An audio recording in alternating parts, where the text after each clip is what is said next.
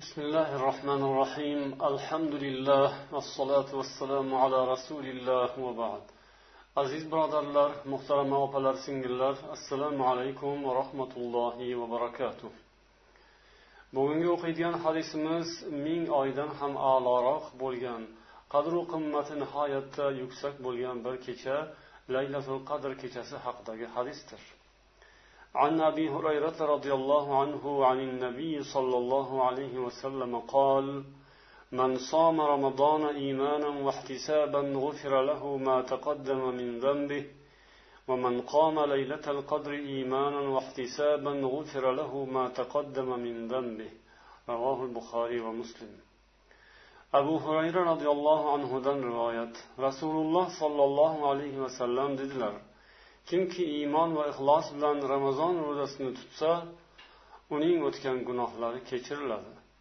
Kimki iymon va ixlos bilan qadr kechasi namozga tursa o'tgan gunohlari kechiriladi. Buxoriy va muslim rivoyatlari mana bu hadisda alloh taolo islom ummatiga ato qilgan ulug' ne'matlardan biri laylatul qadr haqida hikoya qilinadi. Laylatul qadr deb nomlanishining sababi nima desak qadr bu o'zbek tilida ham qadru qimmat degan ma'noda keladi.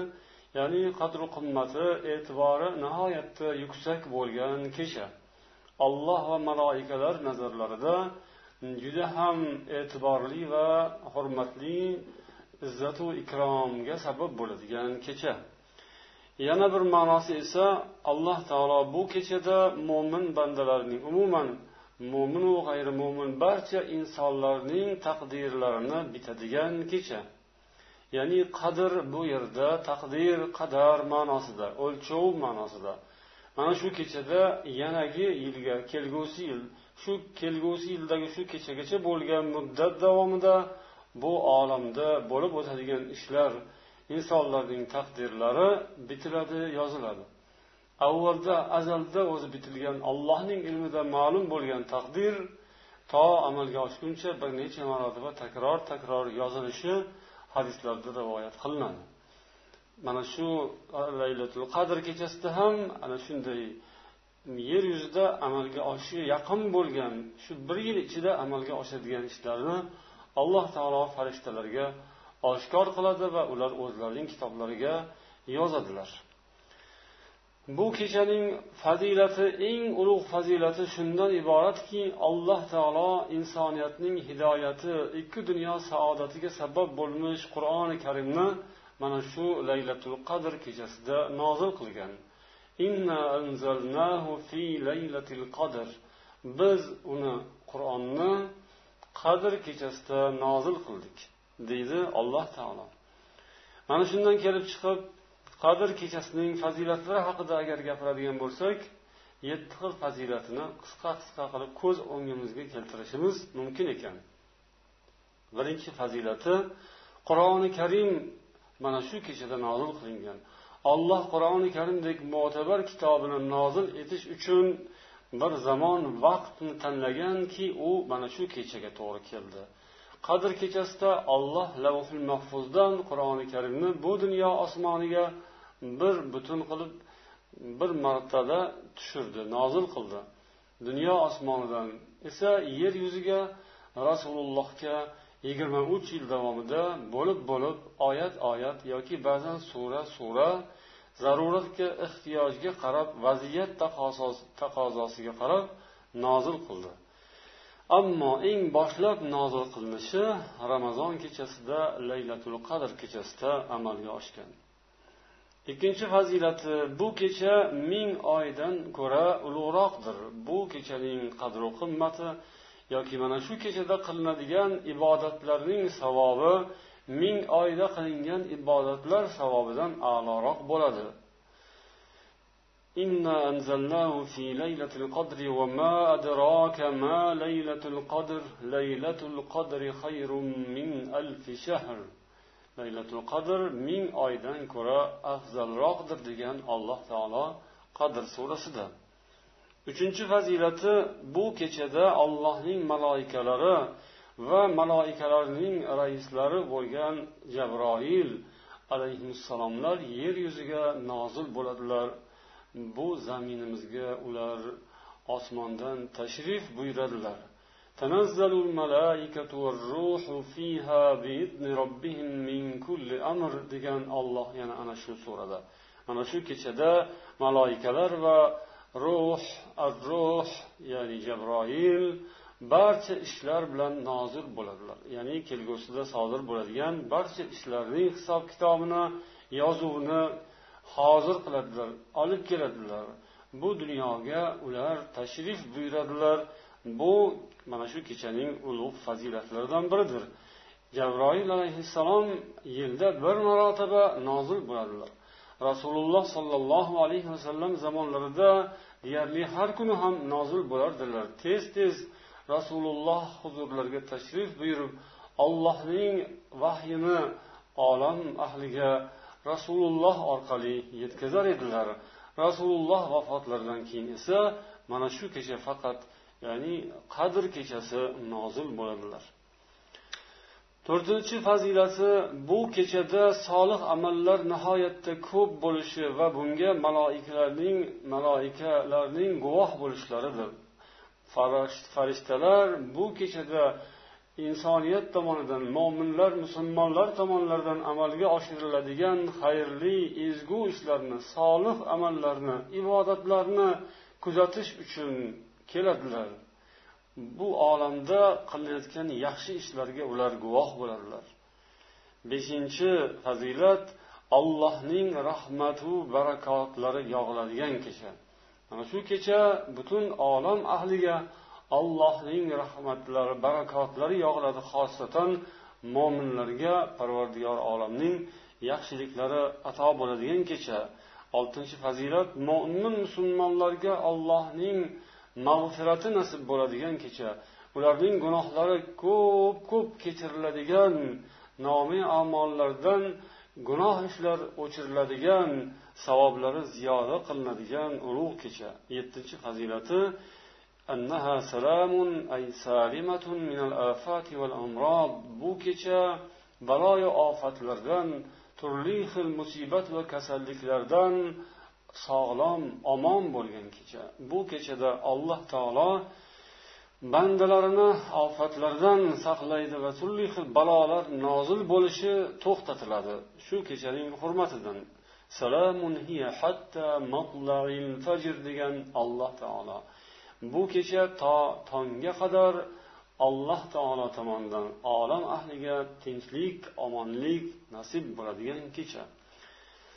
Mana shunday ulug' kecha bu ummatga nasib bo'lgan buning hikmati nimada deyilsa avvaldagi ummatlarning zamonlari umrlari uzoq uzoq bo'lar ekan. Ular ko'p ko'p solih amallarni qilganlar. Ammo islom ummatining umri musulmonlarning umrlari juda ham uzoq bo'ladi bo'lmaydi. Ular qisqa muddat ichida hayot kechiradilar va shuning hisobiga olloh ularga avvaldagi ummatlar erishgan yutuqlarni qisqa muddat ichida olloh nasib etadi. Jumladan mana shunga ishoraki bir kechada ming oylik ibodat savobini hosil qilishlari mumkin musulmonlar. Ming oy bu sakson uch yilu to'rt oydan iborat bo'ladi. Bir insonning uzoq umr ko'radigan insonning umrining miqdori sakson uch yil va yana qo'shimcha to'rt oy.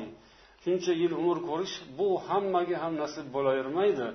Shuncha yil umr ko'rganda ham sakson uch yil uzluksiz ibodat qilishning iloji yo'q imkoni yo'q insonning uxlashi bor insonning dam olishi bor kasal bo'lishi bor va hokazo yoki ishlashi bor. Mana shunday qilib inson ibodat uchun nihoyatda kam vaqt ajratadi. Ammo ixlos bilan inson iymon bilan shu kechani topadigan bo'lsa u sakson uch yil uzluksiz ibodat qilganning savobini olishi mumkin. Robbil olaminning xazinasi keng bitmas va tuganmasdir. Undan bandasiga ana shunday ulug' savoblarni ato qilsa allohning hech narsasi kamayib qolmaydi. allohga qiyin emas lekin bandasidan himmat lozim bandasi shunga loyiq bo'lsagina olloh unga albatta ato qiladi shuning uchun rasululloh ummatlarini bu kechada qoyim bo'lishga ya'ni o'rinlaridan turishga targ'ib qilganlar من قام ليلة القدر إيمانا واحتسابا غفر له ما تقدم kimki qadr kechasida iymon bilan va ixlos bilan savob umidida namozga tursa qoyim bo'lsa uning o'tgan gunohlari kechiriladi deb rasululloh va'da qildilar. Ollohning va'dasi bo'ladi bu. Rasulullohning va'dalari albatta haq va'da. Bunga ishonib inson bu kechada qoyim bo'lishi judayam ulug' fazilat. Endi bu kechada qoyim bo'lishning ma'nosi nima? To tongga qadar uxlamasdan ibodat qilib chiqishmi yoki boshqami? Agar buning uddasidan chiqsa yaxshi. Ya'ni shu kechani bedor o'tkazsa ibodat bilan o'tkazsa tilovat qiyom ya'ni namoz zikr tasbeh duolar istig'forlar qur'on mutolasi kitob mutolasi bilan o'tkazish bu yaxshi.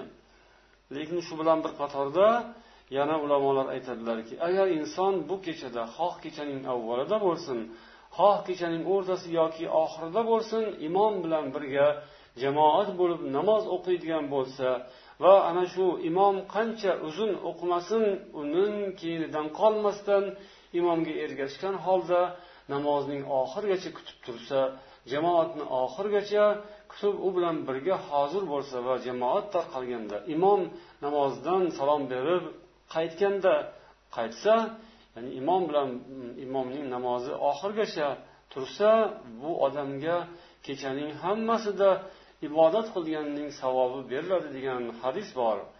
Ya'ni imom ahmad va boshqalar rivoyat qilishgan hadisda rasululloh sollallohu alayhi vasallam bir kun sahobalari bilan ramazon kechasida ibodat qildilar. Ya'ni taroveh namozini o'qidilar. Kun tunning yarmigacha olib bordilar. Tun yarim bo'lganda namozni to'xtatdilar. Keyin uylariga qaytishga chog'landilar. Shunda abu zar g'iforiy rahimaulloh ya rasululloh kechaning oxirigacha biz bilan birga bo'lib namoz o'qib bersangiz edi deb iltimos qilganlarida payg'ambar aytdilarki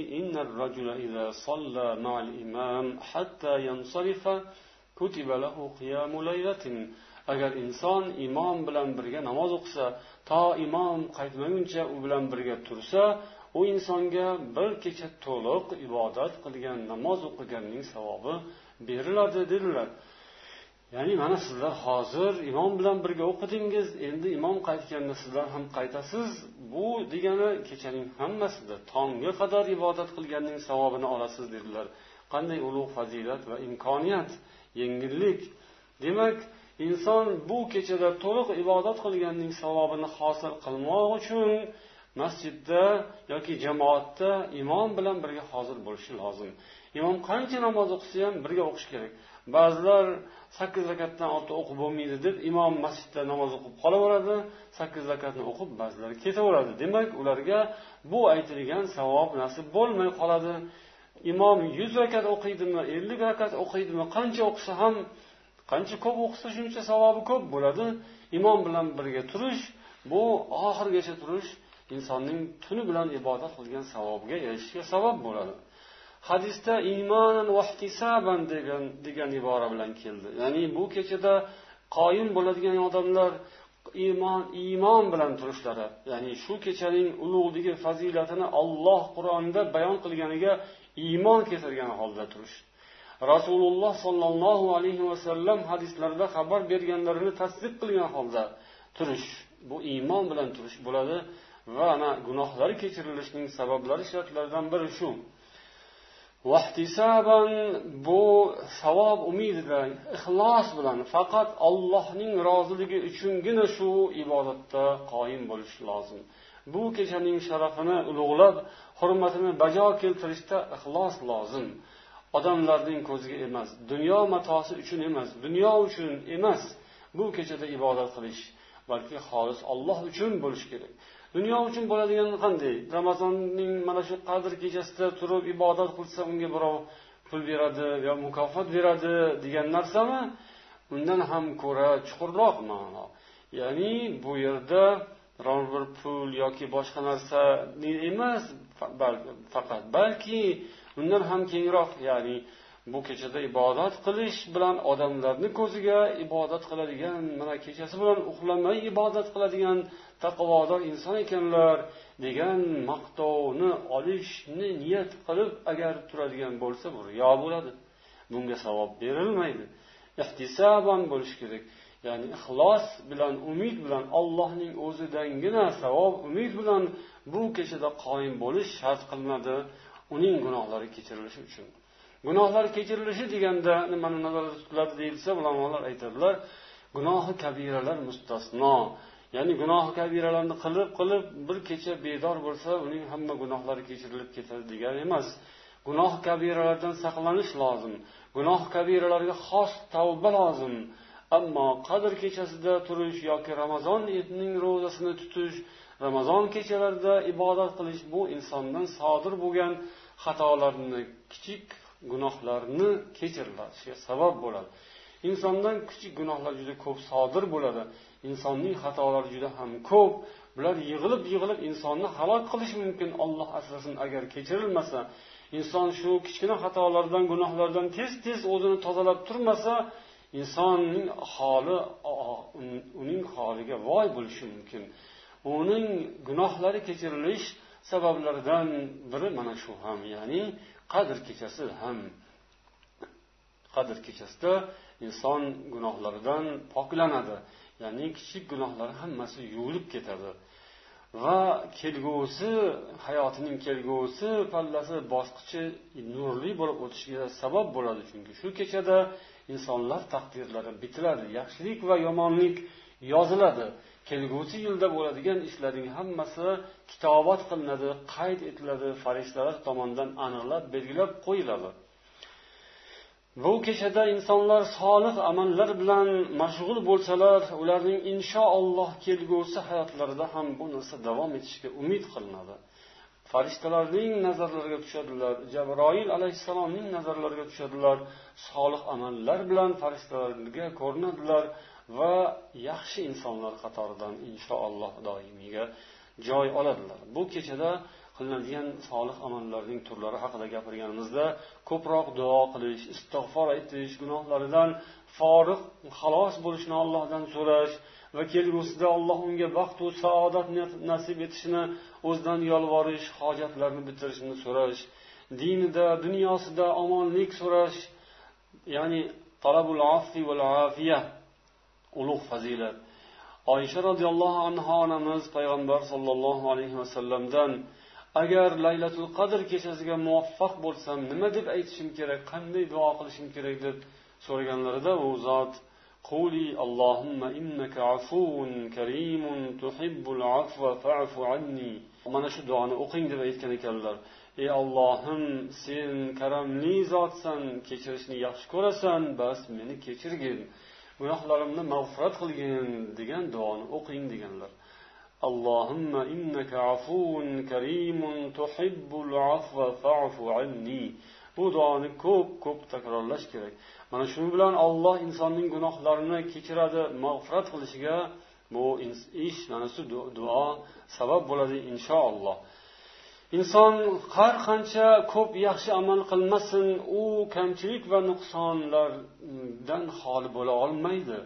U olim bo'lsa ham u nihoyatda ulug' fazilatli inson bo'lsa ham u avliyo bo'lsa ham inson olloh huzurida nuqsonli ekanini tan olmog'i lozim. Mana shu duolar insonning olloh huzurida xatolari va kamchiliklariga iqror bo'lishini ko'rsatadi. Ya'ni ey ollohim meni kechirgil degan so'zingiz o'zingizning xatoyingizni olloh huzurida tan olganingiz nuqsonli inson ekaningizga iqror bo'lganingizdir allohga shu yoqadi. Bu kamtarligingiz hokisorligingizni bildiradi. Allohga mana shu ishingiz maqbul bo'ladi. O'zini komil deb davo qiladigan xatolardan xoli deb davo qiladiganni olloh yoqtirmaydi. Chunki unaqa inson bo'lmaydi bu dunyoda. Payg'ambarlarning holatlari bundan mustasno lekin insonlar inson zoti xatokordir. Shuning uchun unga ko'proq istig'for lozim tavba lozim duo lozim. Allohdan doimo o'zi haqida yaxshiliklarni ato qilishni so'rab turish hamma odamga darkor lozim. Alloh barchamizga bu kechalarni muborak qilsin. Bu kechalarda xayrli solih amallar bilan mashg'ul bo'lishimizni yaxshilik bilan o'tkazishimizni yomonliklarimizni daf etishimizni gunohlarimizga tavba qilib o'zimizning kamchilik nuqsonlarimizga iqror bo'lishimizni alloh oson qilsin. Agar biz kamchiligimizga nuqsonlarimizga iqror bo'lsak ana unda biz tavba qilishga boshlagan bo'lamiz. Ana o'shanda alloh taolo bizni yaxshi ko'radi va gunohlarimizni kechiradi. Alloh darajalarimizni yuksaltiradi. Alloh bizga ham dunyo ham oxiratda taraqqiyotimizni o'zi muvaffaq aylaydi. Barchamizga alloh ana shunday vaqtni nasib etsin. Vassalomu alaykum va rahmatullohi va barakatuh.